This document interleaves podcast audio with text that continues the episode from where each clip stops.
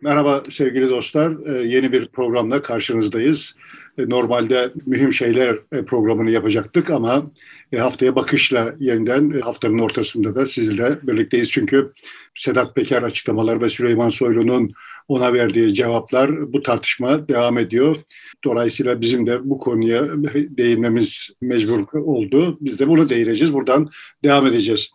Evet, Süleyman Soylu en son Habertürk'te gazetecilerin karşısına çıktı ve orada bir değerlendirmede bulundu. ee, uzun bir değerlendirmeydi.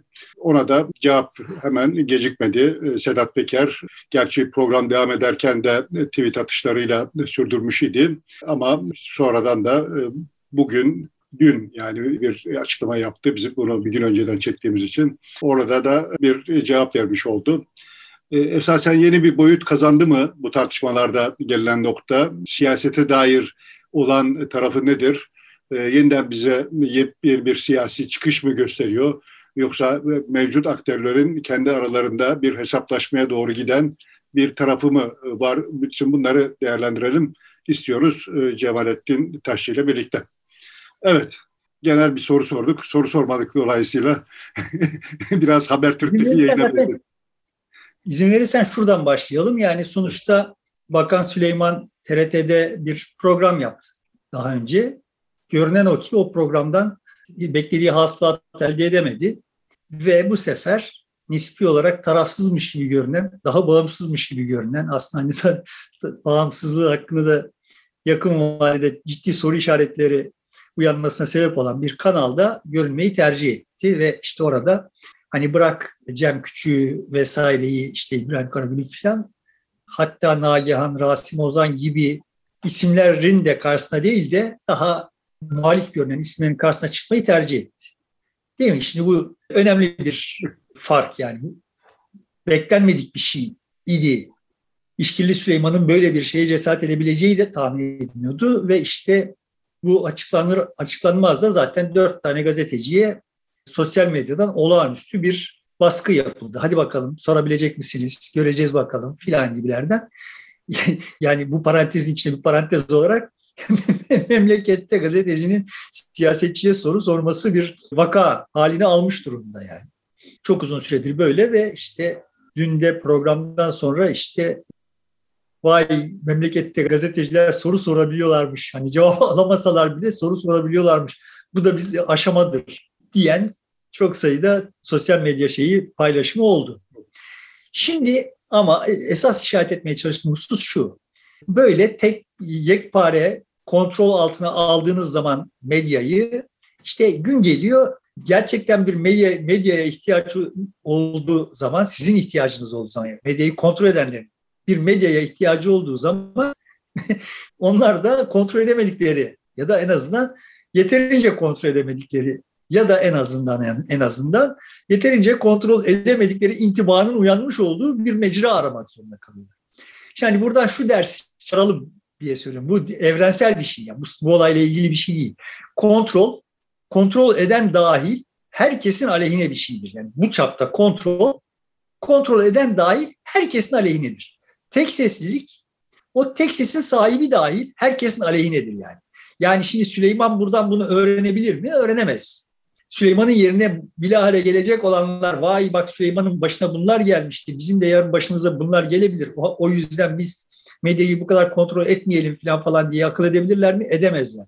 Burada, burada esas olan mesele bu mekanizmaların birbirini kontrol edeceği. Yani bu unsurların birbirini kontrol edeceği mekanizmaya ihtiyacımız var. Yoksa biz burada akıllı davransınlar, namuslu davransınlar, dürüst davransınlar diye insanlara sistemleri emanet edersek yani herkes o konforu tercih eder ve medyayı kontrol etmeye kalkar. Ama buradan hepimiz öğrenmiş olmalıyız ki bak bu kimsenin menfaatine değil yani. Bunu çok önemsedim dün.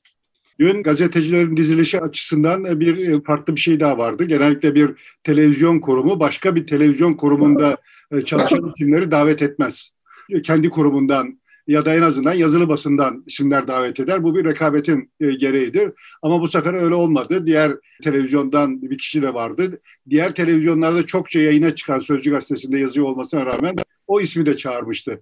Böyle bir farklılık da vardı. Yani bu ancak Cumhurbaşkanı filan katıldığında yapılabilen, nadiren yapılabilen, onu da TRT'nin yaptığı uygulamalar idi. Bak ben bu teferruatı bilmiyordum yani. Ama hani işte görünen o ki kamuoyunda, muhalif kamuoyunda nispi olarak makbul bulunmuş olan insanları çağırmaya özen gösterdiler. Yani her taşın altından çıkan Nagihan mesela üstelik de o kanalın emanı bilmiyorum ama yani o kanalda durmadan görünüp duran Nagihan yoktu yani mesela. Ve bu tabii ki kanalın tercihi değilmiştir. Muhtemelen. Bu bakan tercihidir yani. Yani işte hani dediğim gibi herkes buradan alacağı dersi alsın diye ümit edelim de ama herkesin dersi almış olmasına bel bağlayacak sistemler kurmanın yanlış olduğunu da ben bir kere daha işaret etmiş olayım. Yani ne kadar ders almış olursak olalım elimize bu imkanlar geçtiği zaman öteki türlü davranırız. Sonra başımız sıkıştığında da işte böyle aranırız yani. Acaba bunda tükürülmemiş bir yer var mı diye bir, bir şeyler aranırız. Gazetecilerin performansları çok tartışma konusu oldu. Ben kendi hesabıma üzerlerine oluşmuş olan baskı nedeniyle de ve işte moderatörün de üzerine oluşan baskı nedeniyle çok iyi yönetilmediğini dolayısıyla hani başarısızlığın bir kasıt ürünü olmadığını da inandığımı söyleyebilirim. Tabii ki ama sonuçta her halükarda bir başarısızlık var. Çünkü iyi gazetecimiz yok. Yani neden iyi futbolcumuz yoksa, neden iyi işte romancımız yoksa aynı sebeple iyi gazetecimiz de yok. Şimdi hakkını yemeyelim. İyi futbolcumuz var. Mesela Lille şampiyon oldu Fransa'da. Orada beş tane Türk futbolcu oynuyor. Üçü daima, ikisi yedek. Evet yani peki haksızlık etmeyelim. Futbolcu açısından biraz daha şanslı durumdayız yani. Ama ana hatları itibariyle yani e, sistem, insan üretmek konusunda başarısız bir sistem ve bunun da muhtelif sebepleri var. Aslında işte bir gün bir mühim şeyler yapalım, bütün bu gündem sakinleşsin ondan sonra yapalım diye beklemenin de manası yok. Çünkü anlaşılan pek bundan sonra sakin günler görmeyeceğiz yani. Ama biz biraz kendimizi sakinleştirip bu hengameden çıkarsak iyi olacak. Yani neden oluyor bunlar hakkındaki ezberleri de bir değerlendirelim. Yani niye insan yetiştiremiyoruz? İnsan yetiştiremeyen bir medeniyet medeniyet midir? Bir ülke, bir toplum içinden birilerini çıkarıp adam edemiyor ise o toplumun işte öyle bir anayasayı değiştirmekle veya işte şurada şöyle bir siyasi sistem kurmakla bir çıkış yolu var mıdır? Yani bunları bir tartışalım bence. Yani başarısız idiler, Tufa'ya geldiler. Tufa'ya gelmemek için çok ciddi bir çaba harcadılar ama işte yani Orada tecrübesiz. E, o başarısızlığın nedenlerinden bir, bir kısmı hani moderatörün başta kuralları koysaydı soru bir dakika, cevap üç dakika, bilemedim beş dakika bunu aşmayacak. Bu kurallara uyarak gideceğiz falan gibi baştan bir düzenleme olsaydı daha iyi gidebilirdi. Ama orada gazetecilerin e, sıkıntısı şu, Süleyman Soylu onu belki başarıyla oraya gitti.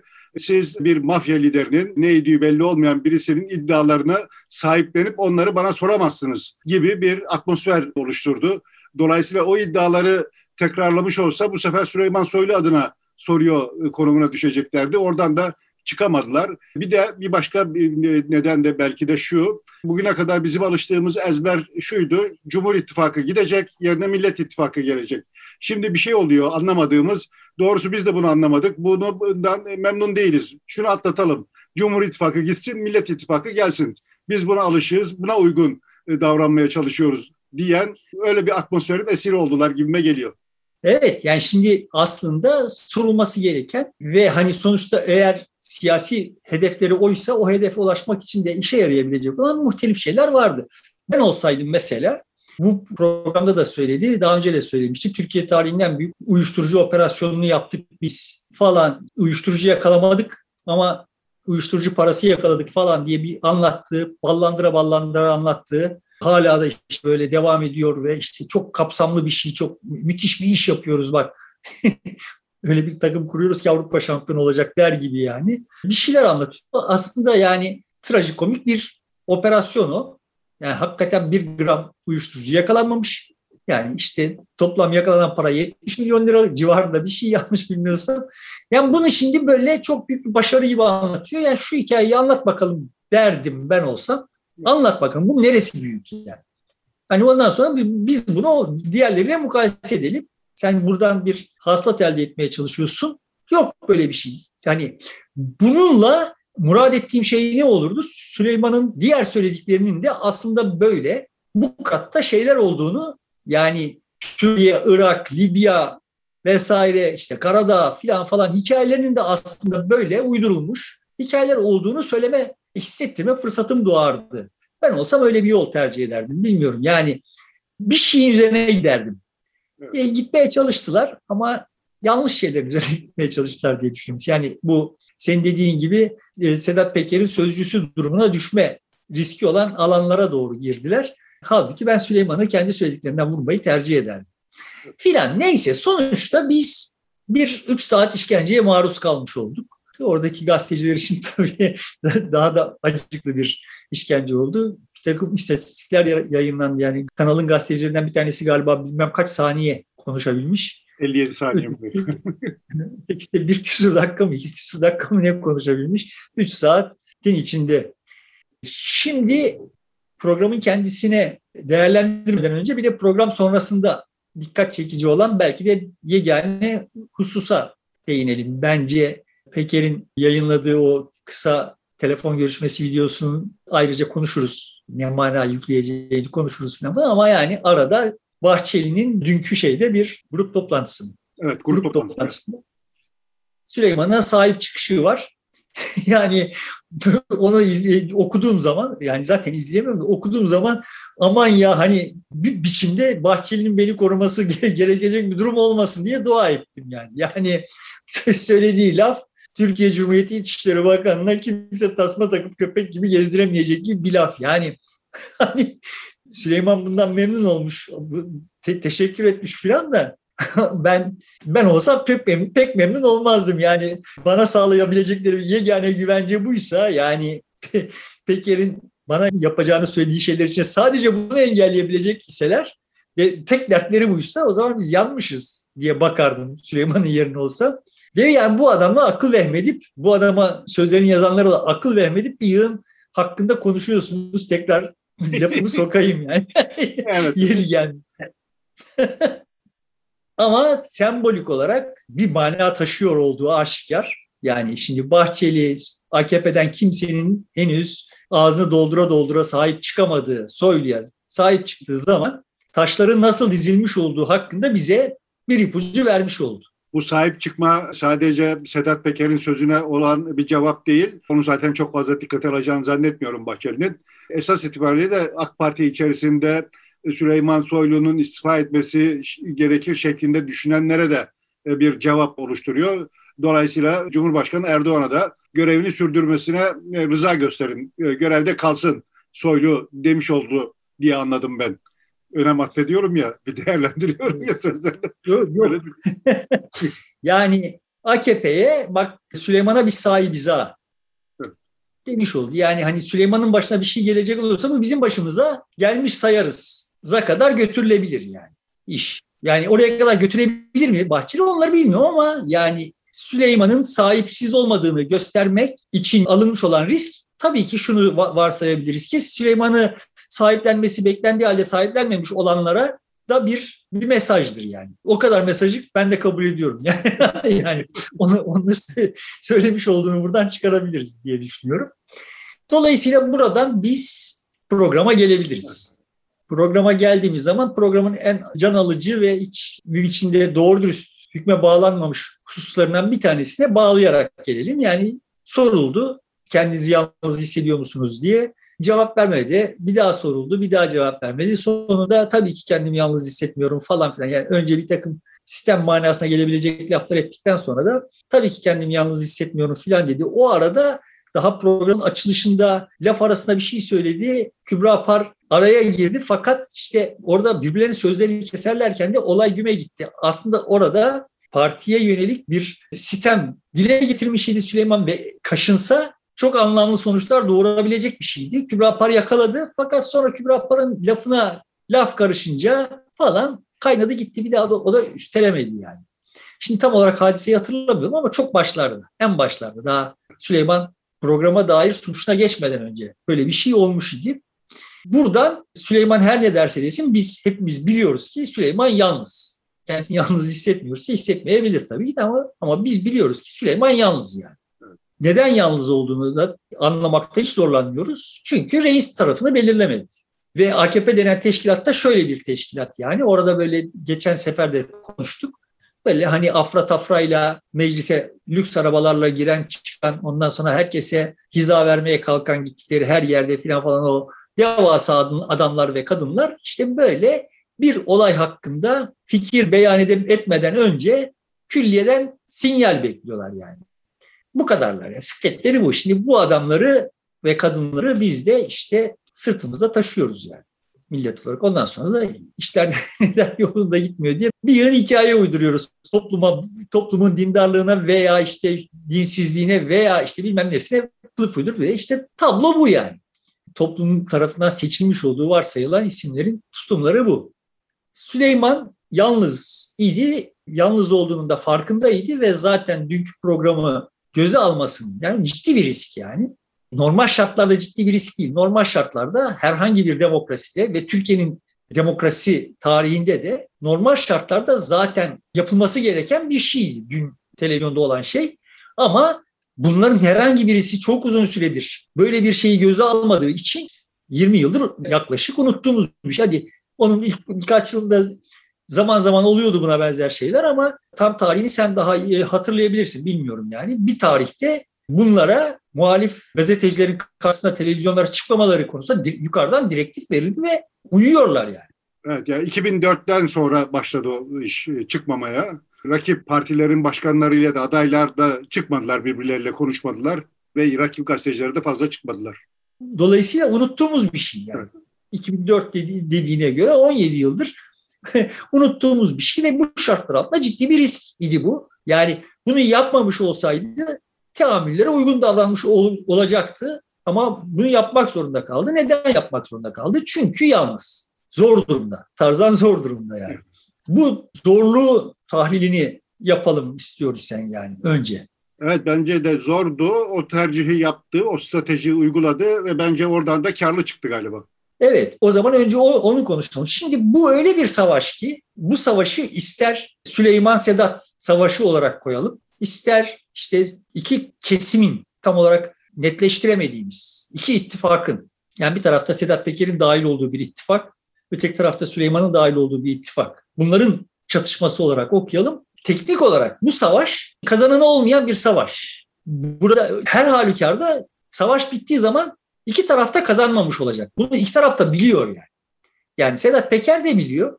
Sedat Peker adına Sedat Peker'i kullanıyor olan birileri varsa onlar buradan bir kazanç bekliyor olabilirler ama Sedat Peker kendi adına bir kazanç beklemiyor. Çok hani milli piyangodan büyük ikramiye çıkması gibi bir şey yani.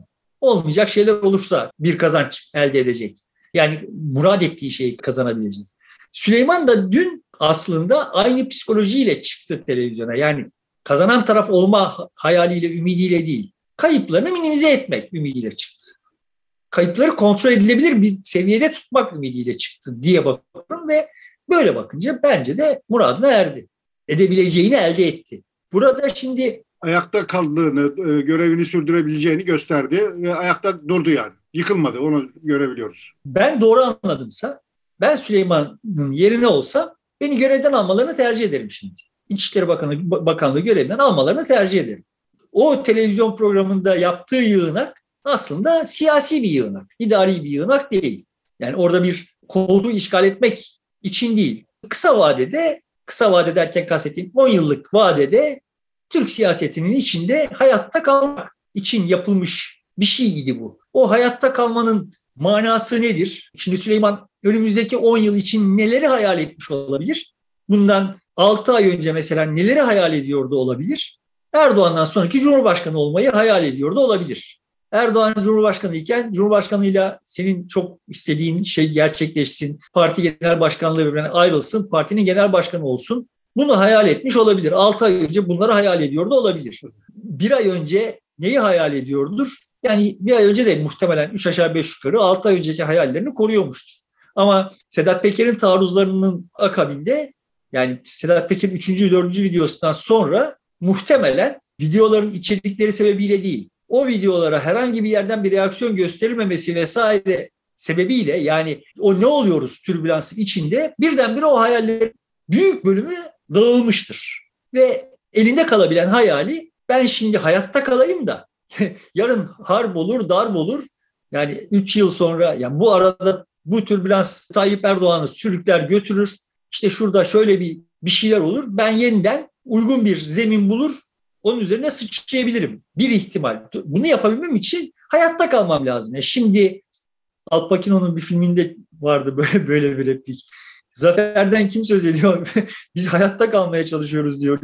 Yani şimdiki tablo gibi yani hayatta kalmaya çalışmak. Zafer zafer hayali çökmüş idi ama hayatta kalmak şu anda zaten zafer idi ve bence Süleyman bunu başardı. Bu şu manaya gelmiyor. Bunu başarmış olması yani şimdi hayatta kalmış olması bir hafta sonra da hayatta kalacağı manasına gelmiyor. Çünkü Süleyman'ın muhtelif yerlerde muhtelif asımları var. Onların bu durumdaki Süleyman'a nereden nasıl vuracaklarını, oyunu nasıl maharetle oynayacaklarını bilemeyiz. Dolayısıyla böyle bakınca evet yani benim açımdan da Süleyman bu riski göze alıp bir kazanç elde etti. Çok kaybetmiş idi diyelim her şeyi kaybetmiş idi oradan yeniden oyunda kalmayı kazandı. Benim açımdan tablo böyle yani. Neden böyle düşünüyorum? Daha önce yani seninle sohbet ederken söylediğim şeyi söyleyeyim. Yani bugün diyelim başka herhangi bir bozucu etki olmadığını varsayarak. Yani Süleyman hakkında birisi bir video yayınlamadı işte Sedat Peker hariç. Yani bir seks videosu efendim ya da işte bir rüşvet videosu filan falan ya da bir takım dinleme kayıtları yayınlanmadı. Böyle bir bozucu etki olmadan diyelim ki Erdoğan bu gece Süleyman'ı görevden aldı. Ertesi günde parti Süleyman'ı disipline sevk etti, ihraç etti. Bir hafta içinde ihraç etti. Süleyman da gitti Demokrat Parti'ye geçti ve işte kongre yapacaklar, başkan olacak görünüyor yani. O gün biz kamuoyu yoklaması yapalım. Benim iddiam o ki Demokrat Parti en az %12'den başlar. Şimdi bu çok düşük görünüyor olabilir birçok kişi. Hani söyleyebileceğim şey, mukayese şeyi şu yani. Ahmet Davutoğlu ve Babacan'ın aylardır tırmalamalarının sonucu elde ettiklerinin toplamının üç katı. Dolayısıyla kötü bir başlangıç noktası değil. Böyle saf aritmetikle bakıldığında. Ama o sosyolojiye, o yüzde on iki dediğim sosyolojiye bakarsam o yüzde on iki sosyoloji yüzde otuza çıkmaz. Yani Süleyman'ın yanına üç tane daha Süleyman koysan yine çıkmaz yani. Sağlam, derin ama dar sosyolojiyi bu programla Süleyman'ın konsolide ettiğini düşünüyorum. Ama yani ben o sosyoloji, Türkiye sosyolojisi hakkında bilgilerim ve bu Süleyman'ın arkasında duracak olduğu tahmin ettiklerim hakkındaki bilgilerime yaslanarak böyle düşünüyorum. Şimdi Süleyman da kendi hesabına eğer böyle bir şey olursa ben %12'de değil de %15'le başlarım sonra da bunu %45'e çıkarırım. Bir hayal kuruyor olabilir mi? Kurabilir mi şimdi? Böyle şeyler yoktur da kafasında. Şimdi ona birisi böyle anlatsa ha hakikaten ben bunu yaparım diye hayal kurabilir mi? Kurabilir yani. Siyasetin içinde bu tür hayalleri kurmuyorsa zaten duramaz. Ama mesela Meral Akşener'in de aslında başlangıçtaki ayağını bastığı yer genişlemeye çok müsait değildi. Sıkıntısı oradaydı genişleyebilir olan yere doğru gelişebilir olan bir sosyolojiye oturmayı tercih etmediler. Süleyman'ınki de üç aşağı beş yukarı öyle bir yer. Yani Meral Akşener'in şehirli tabanının kasabadaki muadili yani Süleyman'ın oturduğu yer ve o yani işte, şu anki MHP'nin daha çok e, sosyolojisine oturur. MHP artı evet. sosyolojiye. Şöyle söyleyelim yani çok geleneksel, çok eski merkez sağ. Yani dünyaya bakışı itibariyle tek parametreyle bakıyor olan CHP neredeyse onun karşısında durmak. CHP'ye en çok düşmanlık kim yapıyorsa onun yanında durmak. Türü bir şartlanmayla bakan bir yüzde yedi sekizi diyelim konsolide etmiştir şey. Zaten de hani seninle sohbet ederken dedik dikkatimizi çekin husus yani o niye Davutoğlu ile başladın? Evet onu, onu zaten. Niye ben Davutoğlu'nun adını andı konuşmanın başında ve onu HDP ile e, anayasa yapmakla suçladı. İşte şimdi burada o taban aslında ikili bir taban. Bunu işaret etmeye çalışıyorum. Bir yanda böyle bir yani bütün radarları sadece CHP'ye kurulmuş bir kesim var. 7-8'lik bir kesim. Bir de MHP'den koparabileceği, MHP'nin mevcut kurumsal kimliğinden besleniyor olma ama MHP yani milliyetçi olan e, şeye de gidememiş kasabalı olduğu için İyi Parti'de gidememiş olan bir yüzde üç dörtlük kesim yani başlangıç noktası itibariyle Süleyman'a zemin olduğunu düşündüğüm dün geceki programdan sonra. Şimdi Davutoğlu'na vurarak başlangıçta olayı Davutoğlu'ndan açarak aslında bu iki kesimin ikisine de senin de demin özetlediğin cümleyle işaretini verdi. Dedi ki bak ben olmasaydım bu Erdoğan var ya CHP ile ittifak yapacak. Koalisyon yapacak. Yani Davutoğlu CHP ile koalisyon yapacaktı ve Erdoğan buna engel olmayacaktı. CHP lafından irite olanlar bunu aldılar. Ötekilere de dedi ki aha bak bunlar HDP işte bir takım anayasalar neyse bir şeyler yapacaklar. Tamam şimdi sonuçta o iki kesimi bağladı yani. Hedefin o iki kesim olduğu belliydi. Aslında o iki kesimin toplamı %12'den büyüktür yani. Ama hani kısa vadede Süleyman'ın arkasında hizalanabilir olanın %12 olduğunu düşünüyorum. Dediğim gibi o genişleyebilir ama %30'a %40'a çıkmaz yani. Ama %20'ye çıkabilir. Şimdi o iki kesimi bir tek Davutoğlu'na vurarak Davutoğlu hikayesine vurarak sanki Davutoğlu'na vuruyormuş gibi göz, görünerek aslında Erdoğan'a vurarak paketlemiş oldu. Buradan şu fırsatı da devşirmiş oldu yani. Erdoğan'dan, Erdoğan'a destek olmaktan yılmış, bütün bu pisliklerden ürkmüş, bunlara Erdoğan'a oy ver, vermiş olmakla ve veya Erdoğan'a destek olan Bahçeli'ye oy vermiş olmakla kendisini sorumlu hissedenlere şerefli bir geri çekilme de sağlamış oluyor. Yani bak biz Erdoğan'a ve Bahçeli'ye destek verdik. Niye destek verdik? CHP'ye karşı oldukları için, HDP'ye karşı oldukları için, bunu bir beka savaşı yürütüyor oldukları için, işte uluslararası kumpaslara karşı Türkiye'yi güçlü bir Türkiye yapmaya çalışıyor oldukları için filan falan. Ama bak Erdoğan 7 Haziran'da meğersem bu oyundan vazgeçecekmiş. Kim sayesinde vazgeçmekten kurtulmuş? Kim sayesinde biz bu beladan kurtulmuşuz? Süleyman Soylu sayesinde. Şimdi onlara da bak Erdoğan'ı satıyorsunuz, satmanızda bir meşru sebep var. Demiş oldu. Yani o sizin Erdoğan'ın arkasında durmanıza sebep olan şeyin sahibi, asıl sahibi benim demiş oldu. Dolayısıyla Davutoğlu'na vurması bence en akıllıca tarafı iş. Davutoğlu'na vuruyormuş gibi görünüp asıl vurduğu Erdoğan ve oradan kop kopanlar içinde bir sığınak olarak kendisine tarif etmiş oldu. Tekrar söylüyorum bunu tutamayabilir. Yani şimdi buradan zarar görecek olan başta Erdoğan olmak üzere birçok aktör var. Onlar da elleri armut toplamıyor. Onlar da hamle yapacaklar yani. Bilmiyoruz ellerindeki imkanlar neler, sınırlılıkları neler bilmiyoruz. O hamlelere göre bütün bu hikaye değişebilir. Ama bu siyasi bir hamleydi ve bence Soylu'nun kaybetmiş olduğu, sıfırlanmış olan zemininden bakıldığında ciddi bir kazançtır. O zaman şöyle diyebilir miyiz? Bu videolar çıktığından bu yana ilk defa bir siyasi aktör tutum aldı, tavır aldı. Ortaya çıktı. Bir siyasi tavır yaptı. Evet. evet. İlk defa bir siyasi tavır sergiledik. Evet, doğru. Bunun da Süleyman'dan görmemiz şaşırtıcı değil çünkü zaten sahnede siyasetçi yok. Diğer bütün oyuncular, oyuncu sayabileceğimiz isimler ya Erdoğan tarafından işte şeyin kalabalığın arasından seçilip getirilmiş oyuncular veya bürokrasiden gelmiş insanlar siyasi oyun oynamayı bilmiyorlar. Yani şimdi mesela böyle bir hamleyi Hulusi yapamaz. Burada Süleyman siyasi bir iç görüyle kamuoyuna, topluma oynadı. Bunu da aslında danışmanları vesaire falan falan tasarlamamıştır diye düşünüyorum. Bunu, bunu kendisi tasarlamıştır diye düşünüyorum. Siyasi refleksi var çünkü çocukluğundan hep gösterdi. O, için. Evet, o siyasi refleksi hep hep gösterdi yani. Yani çocukluktan itibaren zaten işte babası da ilçe başkanı bir şey sonuçta çocuklukta ben hani tanırım da zaten Süleyman. O refleksi vardır yani. Refleks haline gösterdi. Tavırlar bunlar. Peki bu durumda ee, şunu da sorayım o zaman. Yani mevcut aktörler, muhalefet işte Millet İttifakı ve Cumhur İttifakı'nda e, buradan siyaset çıkaran olmadı Süleyman Soylu'nun dışında. Peki Süleyman Soylu'nun karşıtı olabilecek yeni bir aktör ortaya çıkabilir mi? Buradan e, bir siyasi hamle yapabilecek. Normalde beklenir böyle bir şey. Ben şimdi 2007-2008 civarında falan Eskişehir'de Eskişehir Spor vesaire üzerinden de bir tek sohbetler yürütüyoruz. İşte futbolcu transfer ediliyor falan. Ulan dedi, dediydim. Atıyorum ya Slovenya'dan veya Macaristan'dan herhangi bir siyasi partinin herhangi bir seviyesindeki birini getirsek Türkiye'ye yani futbolcu transfer edebilir gibi böyle bir şey mümkün olsa o Türkiye'de kahraman olur yani. Yani çünkü siyaseti yapıyor olanlar hiçbirisi siyaset bilmiyorlar. Bir mahalle takımına ithal edilmiş bir profesyonel futbolcu pozisyonuna sahip olur. Şimdi Türkiye siyasetinde mevcut şartlarda ben siyaset yapacağım diye sahaya çıkacak birileri olsa siyaset yapmayı da biliyor ise yani oyunu toplumla oynaması gerektiğini biliyor ise toplum nezdinde derlediği gücün aslında onun siyasetteki asıl pazarlık gücü olduğunu idrak eden Sonra da o toplumu kendi hikayesi etrafında birleştirmek için bir takım maharetler sergileyen birisi olsa zaten şimdi tam zamanı.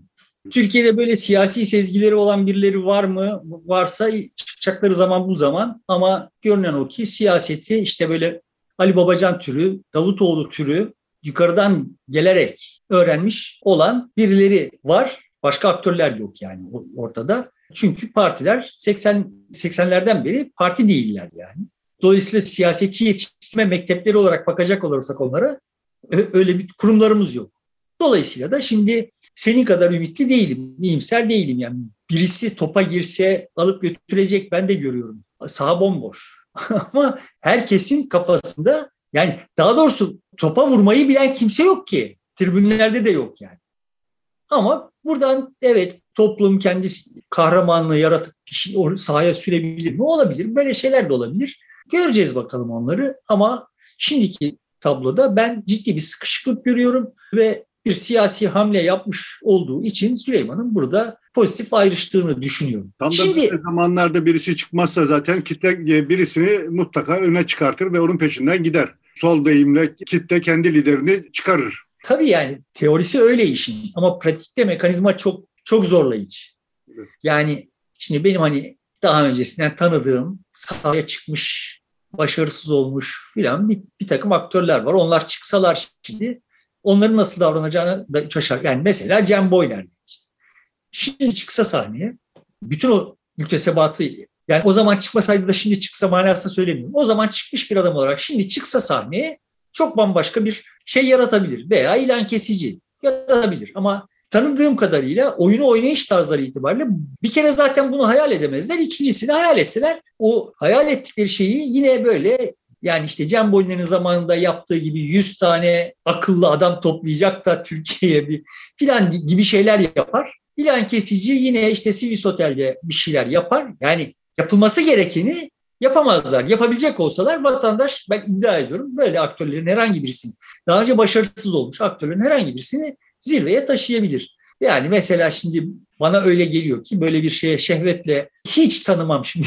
Ama hani misal vermem gerekiyor olduğu için söylüyorum. Yanlış anlaşılma olmasın. Yani diyelim mesela Ümit Boyner'e gitsek ya bak böyle bir ihtiyaç var ve sen bu oyunu oynar mısın desek mesela o bu işe yanaşabilir ve, ve becerebilir. Yani senin söylediğini teyiden söylüyorum. Yani böyle bir oyuncuyu dışarıdan küt diye getirsen oyunu doğru oynasa Türkiye'yi çok kısa süre içinde devralabilir yani.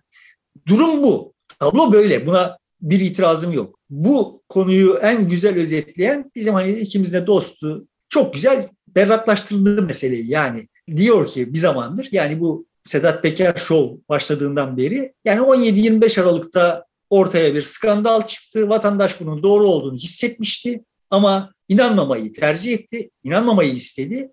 Şimdi vatandaşın önüne yeniden benzer şeyler konuyor. Bunların çoğundan şüphe ediyor olabilir ama buna inanmayı tercih ediyor. Neden öyle oldu? Çok mantıklı bir açıklaması var. Çünkü orada eğer inanırsa vatandaş 17-25 Aralık'ta olanlara inanırsa evet Tayyip Erdoğan devrilecekti ve yerine cemaat gelecekti. Orada Tayyip Erdoğan'ı iktidardan götürecek olan güç seçilmiş bir güç değil. Dolayısıyla vatandaş seçilmiş olanla seçilmemiş olan arasında sağduyulu bir tercih yaptı yani. Şimdi niye peki bu, iş, bu hikayenin peşinden böyle Mecnun gibi sürükleniyor? Çünkü Sedat Peker Tayyip Erdoğan'ın başına bir şey gelecek olursa onun yerine aday olabilecek bir pozisyona sahip değil. Böyle bir gücü yok yani. Bir koçbaşı o. Asimetrik bir durum var yani. Buradan yola çıkarak diyorum ki evet şimdi kamuoyu o zaman da çok hazırdı. O zaman da birisi çıksaydı yani ne cemaat ne Erdoğan kardeşim bak bu rezilliği görüyorsunuz biz şimdi buna talibiz diye birisi çıksaydı o zaman da kamuoyu hazırdı. Ama kamuoyu Erdoğan'la cemaat arasında bırakıldı. Ben hani bilmem kaç defa anlattım. Bir daha anlatayım yani işte böyle Eskişehir Büyükşehir Belediyesi'nde sohbet ediyoruz. Cemaatle şey karşılıklı e, silahları çekmişler Erdoğan. Bana sorup duruyorlar kim kazanır diye. Ben de her seferinde aynı cevap veriyorum. Valla kim kazanır bilmiyorum. Yalnız sizin kazanmayacağınızı biliyorum dedim yani. yani. Çünkü dünyada seyircinin kazandığı bir spor henüz icat edilmedi. Şimdi tablo buydu. Yani gerçekten de memleket eğer Erdoğan'ın elinden alınırsa cemaatin kucağına düşecek durumdaydı. Cemaatin kucağına düşmemesinin tek yolu Erdoğan'ın elinde kalmasıydı. Çünkü ben de talibim diye kimse yoktu. Yiyin birbirinizi diye, diye seyreden bir heyet vardı ve sonra bu heyet işte böyle böyle millete zaten bu müstahak falan filan diye de yine aynı hikayeleri söylemeyi sürdürdü yani hiç utanmadan. Hala da sürdürüyor yani. Şimdi de tablo bu. Şimdi de vatandaşın önüne birisi çıksa ve dese ki kardeşim bak bütün bu rezilliklerden sizin gibi ben de bıktım. Aha sizinle beraber biz şimdi bunlardan ari başka bir Türkiye kuracağız. Onu da beraber karar vereceğiz. Bunu ima edecek, hissettirecek. Bir oyuncu çıksa o oyuncu en beyaz Türk olsa yani akla ne geliyor? Alevi olsa, Kürt olsa millet peşinden gidecek yani. Sana garanti veririm.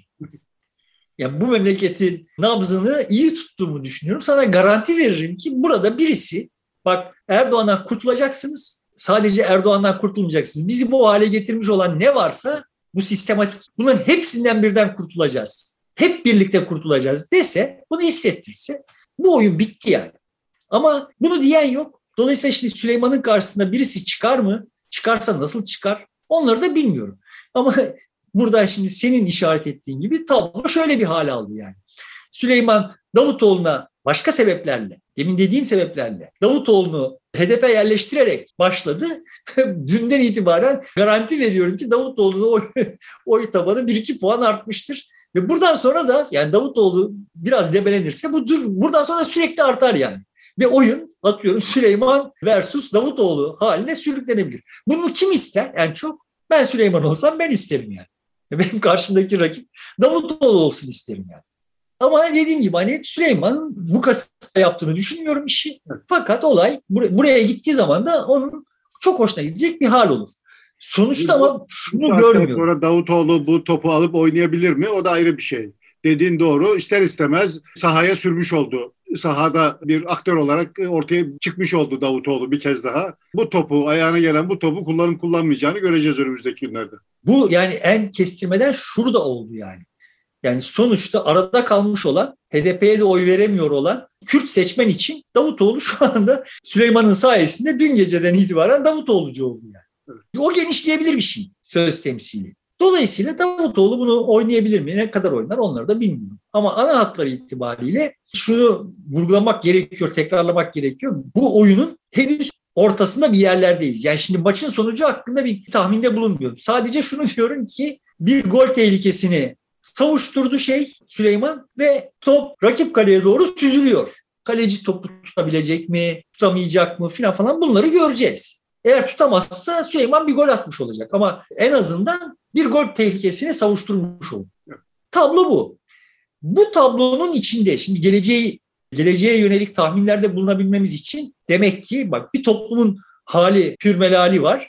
Toplumun hali pürmelali bu kadar her şeye müsait. Bunu de değerlendirebilecek oyuncular yok. Çıkarsa o oyunculara göre her şey mümkün vesaire falan falan. Ama eğer çıkmayacak olursa mevcut aktörler kimler? Kimler kiminle oynuyor?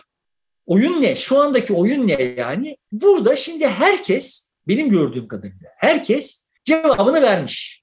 Tabii ki bu cevaplar genel olarak Peker üzerinden veriliyor yani. Peker işte pelikancılara vurdu. Pelikancılar kimin? Damadın. Damat kiminle omuz attı? Süleyman'la. Demek ki Süleyman zaten ağırla şöyleydi filan. İşte herkesin böyle ezberleri var. Fi tarihinden gelme. Ama gördük ki yani işte Ağar'la Süleyman ilişkisi hakkında yapılan hiçbir yoruma sığmayacak şey, tutumlar sergiledi Süleyman.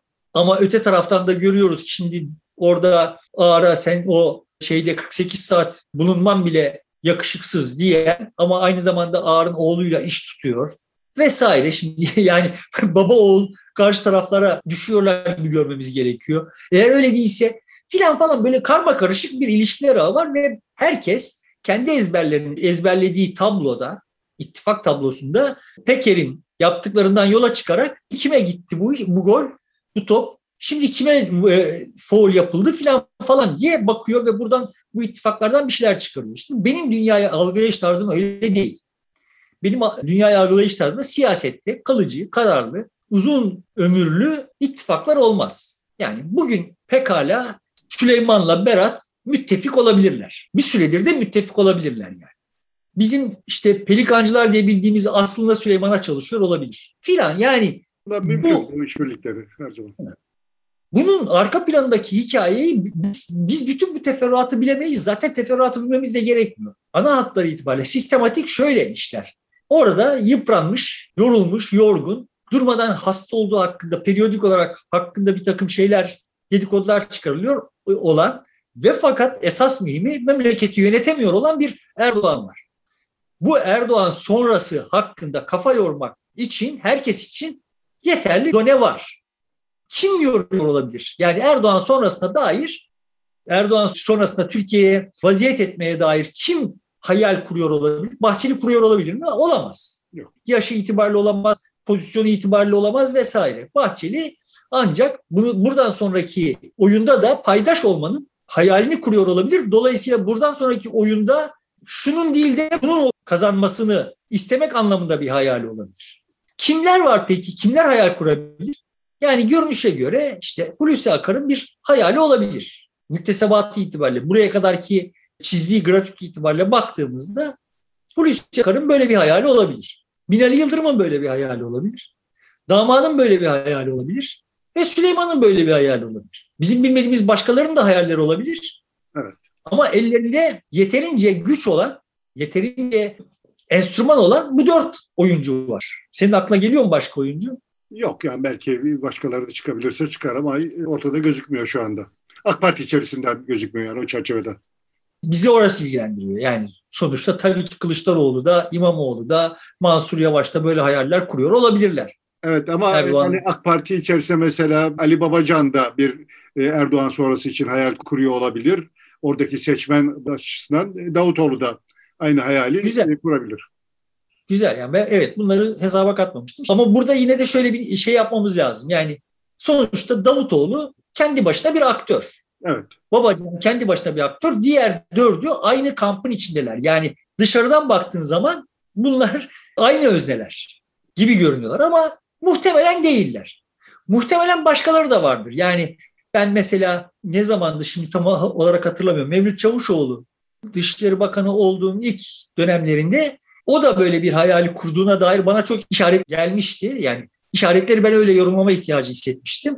Yani hesabı şöyle bir şeydi yani bunlar birbirini yerken ben şurada kapının kenarında beklersem bunların hepsi düştük, düşecek birbirini yerken sıra bana gelecek gibi bir bir politika izliyordu. Anladığım kadarıyla fena halde ağzı yandı. Şimdi türbüne çıkmayı tercih etti gibi görünüyor bana. Bilmiyorum yani alttan alta onun da böyle hayalleri olabilir.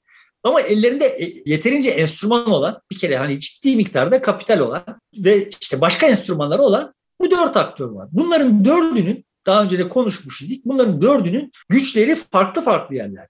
Binali Yıldırım'ın gücü farklı yerde, partinin içinde. Süleyman'ın gücü farklı yerde, demin sözünü ettiğim sosyolojide. Hulusi'nin gücü bürokraside evet. ve damadın gücü de sermaye çevrede, parti dışı aktörlerde. Muhtemelen uluslararası bir takım ittifaklar falan falan da arıyormuştur. Şimdi görünen o ki bir biçimde damadı pasifize ettiler. Bir şey oldu ve damat pasifize oldu yani.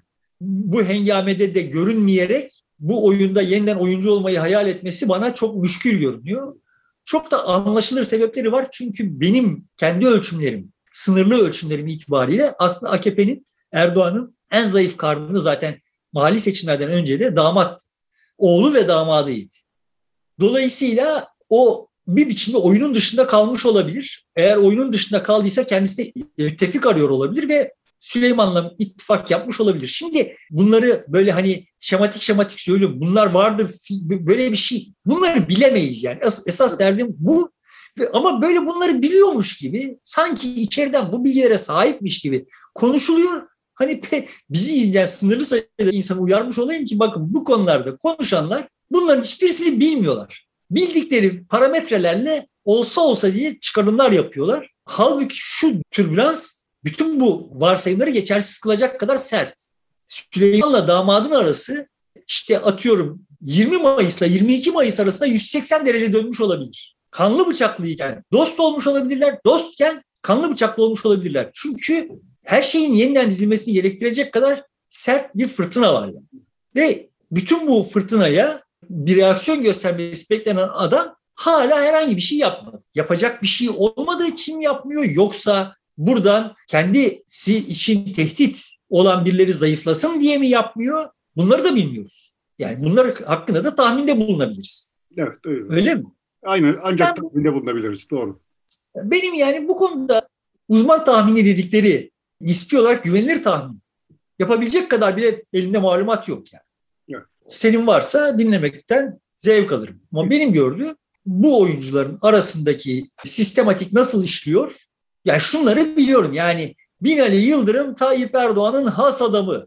Ondan vazgeçemez filan gibi şeylerin hiçbirisinin hükmü yok. Hükmü Yani Binali Yıldırım'ın Tayyip Erdoğan nezdinde bir prestiji var. Damadının başka türlü bir prestiji var. Süleyman'ın başka türlü bir prestiji neyse yani bir vazgeçilmezliği var. Herkesin başka bir kıymeti var. Birisi 10 kilo çekiyor, ötekisi 30 derecede, bir ikisi işte kırmızı filan. yani bunların her birisine değer katıyor olan şey başka, oyunda olmalarını sağlayan şey başka. Bunlar mukayese edilebilir şeyler değil. Dolayısıyla burada oyunun nasıl oynanacağı çok her an her sonuç değiştirebilir olduğu için de her şeye her an değişebilir. Biz bu programı yaparken başka, bunu izlenirken başka konjonktür olabilir. Yani nitekim yani biz şimdi bunu gecenin bir yarısında çekiyoruz. Yarın bu yayınlarında Erdoğan pozisyonunu netleştirmiş olabilir. Çıkmış yani pozisyon netleştirmişse, netleştirmemişse şaşırtıcı olur yani. Aslında normalde bu yayınlanana kadar netleştirmiş olması gerekir. Buraya kadar netleştirmiş olması gerekir. Evet o da mümkün her an e, kararı verebilir, netleştirebilir ya da netleştirmeyebilir. Burada Babacan ile Davutoğlu da Erdoğan açısından yeniden resmin içerisine girebilirler de, girmeyebilirler de. Onlar da bir güç olarak duruyorlar. Yok yok girebilirler. Onların onların da başka avantajları var.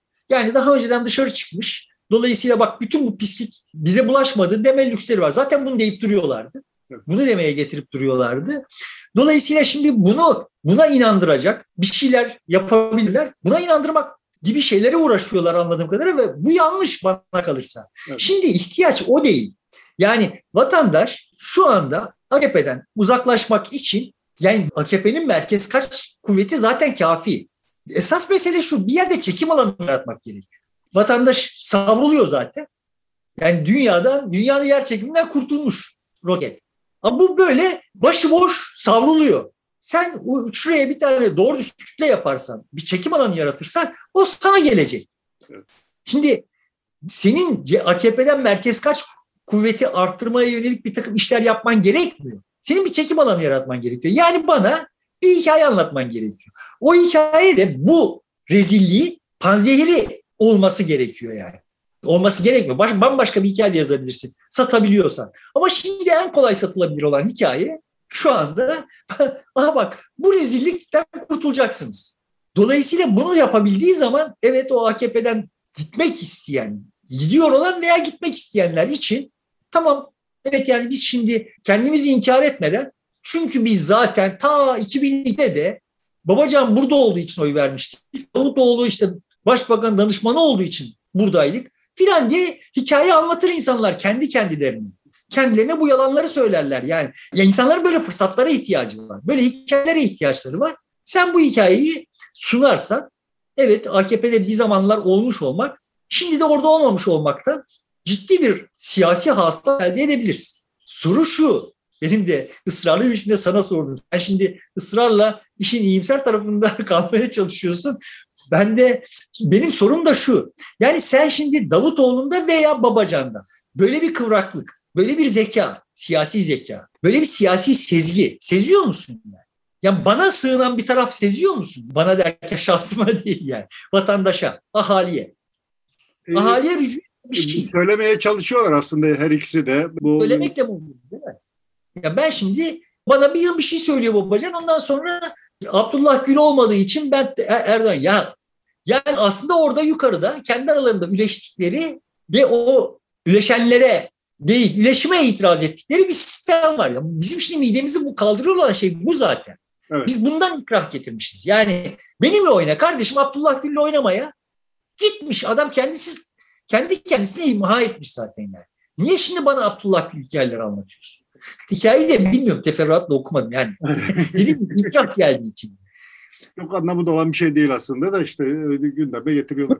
Davutoğlu aslında burada daha şanslı gibi gözüküyor. İşte beyaz gömlek giyip bir yeni sayfa açıyoruz gibi yeni şeyler de yaptı ama ne kadar karşılık bulur bu ayrı bir şey. Ama Kürt seçmenden bir oy alabileceği ve bunu bir sıçrama tahtası olarak kullanma becerisini gösterebilecek olursa dediğin gibi onun bir öne çıkma şansı yüksek.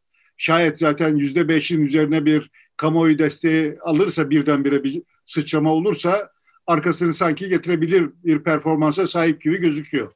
Tabii orada şunları bilmiyoruz. Yani burada şimdi Süleyman durmadan Peker'den yumruk yiyip dururken atıyorum Süleyman'a karşı olan diyelim Hulusi Akar için bir tehdit değildi. Dolayısıyla ona karşı bir hamle yapması gerekmiyordu. Evet.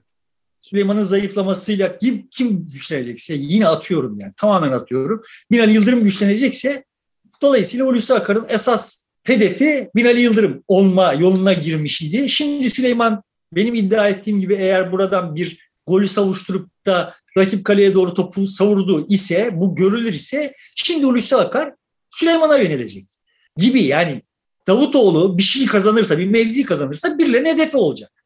E şimdi kimsenin hedefi olmayan bir adam birilerinin hedefi olacak. Şimdi hedef olduğu zaman yani kalesine hücum edildiği zaman da bir performans sergileyebilecek mi? Bunu bilmiyoruz. Evet. Burada şimdi bir, yeri gelmişken bir daha hatırlatayım yani. Benim gördüğüm kalesine hücum edilirken en müthiş performans sergileyen şu son dönemde e, İmamoğlu'ydu. Hücum edildiğinde o topu kapıp anında yaldır yaldır rakip kaleye gidip topla beraber gol olmayı başardı iki kere. Ama onun da şöyle bir sorunu var. Kalesine hücum edilmediği zaman herhangi bir şey yapamıyor yani. Yani yaptığı şeyi futbol oynamak zannediyor. Böyle kendi arasında eveleyip evelediği şeyi futbol oynamak zannediyor. O değil yani. Ama kendisi bunu yapmış olduğu halde ne anlamıyor bunu. Dolayısıyla böyle bir tuhaf ortamda biz de gelecek hakkında tahminlerde bulunmak gibi bir anlamsız işe soyunuyoruz. E, istersen bitirmeye de gidebiliriz ya da verdiği Pekar'ın verdiği cevabın ne anlam ifade ettiğine dair de bir iki bir şey söyleyebiliriz. Şeyden sonra, tartışmadan sonra. Bir video yayınladı ya Reşat Hacı Fazlıoğlu, Süleyman Soylu Habertürk'te onu tanıyorum, onun bir ilişkisi yoktur demiş idi Sedat Peker'le. Ama Sedat Peker bak ilişkimiz var. Hem de gayet samimi bir ilişkimiz diyen bir görüşme kaydını, telefon görüşme kaydını yayınladı. Bu yani daha önce Özışık kardeşlerle de ilgili yayınladığı şeyin de aslında Peker'in herhangi birisine elini güçlendirdiğini düşünüyorum. Bu arada unutmuştum. Onu da iyi oldu hatırladım. Yani kalabalık bir ortamda izlediğim şeyi Süleyman'ın programını ve mütemadi olarak böyle Süleyman'ın her söylediğine bir kut takılan bir ortamda izledim. Bir yandan da işte Twitter'dan da şeyler Sedat Peker'in tweetleri geliyordu. Benim açımdan çok çok açık ve net bir biçimde söyleyebilirim ki Sedat Peker çok yanlış işler yaptı o gece. Yani Sedat Peker Süleyman'a anında cevap verir. Verme şehvetiyle evet. oyundaki rollerin değişmesine sebep oldu. Oraya kadar soru soran, itham eden adam idi. O gece cevap veren, itham edilen adam, itham edilmeyi kabul eden adam durumuna düştü. Tabii anlaşılır bir şey yani. Ama yanında yamacında bir iletişimci olsaydı bunları yapmaması gerektiğini söylerdi. Ya bırak Süleyman konuşsun. Sen, sonrasında sen yine bodoslama vur. Seni güçlü kılıyor olan itham eden taraf olmak. Yani her şeye cevap yetiştirme. Senin buradan haklı çıkarak kazanacağın bir şey yok. Yani zaten temiz olmadığını kendin söylemişsin yani. Temiz çıkarak kazanacağın bir şey yok. Yani işte bir tane akıllıca bir tweet'i vardı. BBC'yi de Fethullah Gülen'e bağla da iyice tımarhaneye atsınlar türü bir şey. Yani bir tane öyle bir şey at. Dolayısıyla sana yönelik Fethullah ithamları da boşa düşsün. Yani sen Fethullahçı olmadığını, o arabanın plakasının aslında şöyle olduğunu vesaire falan niye açıklayıp duruyorsun ya? Savunmaya geçti yani orada. Yani çok yanlış bir şey yaptı. Kendi adına çok yanlış. Yani Türkiye adına, Türkiye'nin menfaatine de olabilir. Onu, onları bilemem ama ana hatları itibariyle kendi adına çok yanlış bir şey yaptı. Bu da işte sonuçta oyunda oyuncu olduğu zaman oyun karşıda kimse yokken çok ciddi bir performans vardı. Karşıya birisi çıkınca o, o karşıya çıkan birisi abuk sabuk işler yapsa bile yani Süleyman'ın yaptığı her şey abuk sabuktu öyle değil mi yani? Bunda mı daha kız? Ama abuk sabuk işler yapsa bile bir şey yaptığı zaman işte elin ayağına dolanıyor yani. Buradan şimdi şeye dönecek olursak O Özışık kardeşlerle ilgili bu telefon konuşmaları, yayınladığı telefon konuşmaları bana yani ben ikisi konusunda da aynı şeye tereddüde sahibim. Yani bunlar Peker'in elini güçlendirmiyor. Süleyman'ın elini de zayıflatmıyor yani. Yani Süleyman buradan çok rahatlıkla şöyle çıkabilir. Yani. Ya bunlar kendi kendilerine benimle konuştuklarını söyleyip Sedat Peker'i işletmişler. Zaten o, o mealde bir laf etti yani. Evet. Özışık kardeşlerle ilgili. Bu Sedat Peker'in elini güçlendirmiyor. Niye böyle şeylere ısrar ediyor? Ama, yani işte e, izleyici sayısını arttırıyor. ya onun işte izleyici sayısı zaten yani merak duygusunu yükselterek acaba şimdi ne olacak diye seyirci topluyor. Ben şimdi bu şartlar altında pazar günkü video aslında birçok şey söyleyecek bize. Yani şu anlamda pazar günkü videonun tonu ilk altı videoyu andırırsa Sedat Peker hızlı bir biçimde erozyona uğrayacak sonucunu çıkarabiliriz. Oyunun gidişatını tayin edici bir oyuncu olmaktan çıkacak sonucunu çıkarabiliriz. Ama eğer son videonun tonuna ve hatta onun üstünde bir şeye, vitese sahip olursa yani öyle çok su, suyu çok bulandıracak şeyleri küt küt söyleyebilirse artık burada zaten çok da hani şey kaldı mı bilmiyorum. Yani gerçekten uluslararası şeylere girmesi gerekiyor. Beklenti, yarattığı beklentiyi karşılaması için diye düşünüyorum. Ona girebilecek mi falan falan bilmiyorum. Ama hani oradan biz şeyi görebiliriz, hissedebiliriz. Oyunun gidişatını hissedebiliriz diye düşünüyorum. Tabii ki Erdoğan'ın göstereceği reaksiyondan da oyunun gidişatını hissedebiliriz. Ana hatlar itibariyle bugün ortada bir de şey dolaştı. Erken seçim lafı dolaştı. Yani üstü örtülü bir biçimde. Ama Türkiye sahiden mevcut oyuncuların mevcut rolleriyle bu maçı bitirecekmiş, bitirebilecekmiş gibi görünmüyor. Ben seçim olur mu korkusuna hala sahibim. Bu, bu behemhal olmazsa, yani bu sonbaharda, en geç gelecek baharda olmazsa bir daha da hiç seçim yapamayabiliriz diye de kaygılıyım yani. Diyelim peki burada bitirelim o zaman tamamdır diyoruz. Sevgili dostlar burada bitiriyoruz. Yeni bir e, videoda görüşmek üzere. Zaman zaman Clubhouse'da da buluşuyoruz. Orada da buluşacağız. Şimdilik hoşçakalın.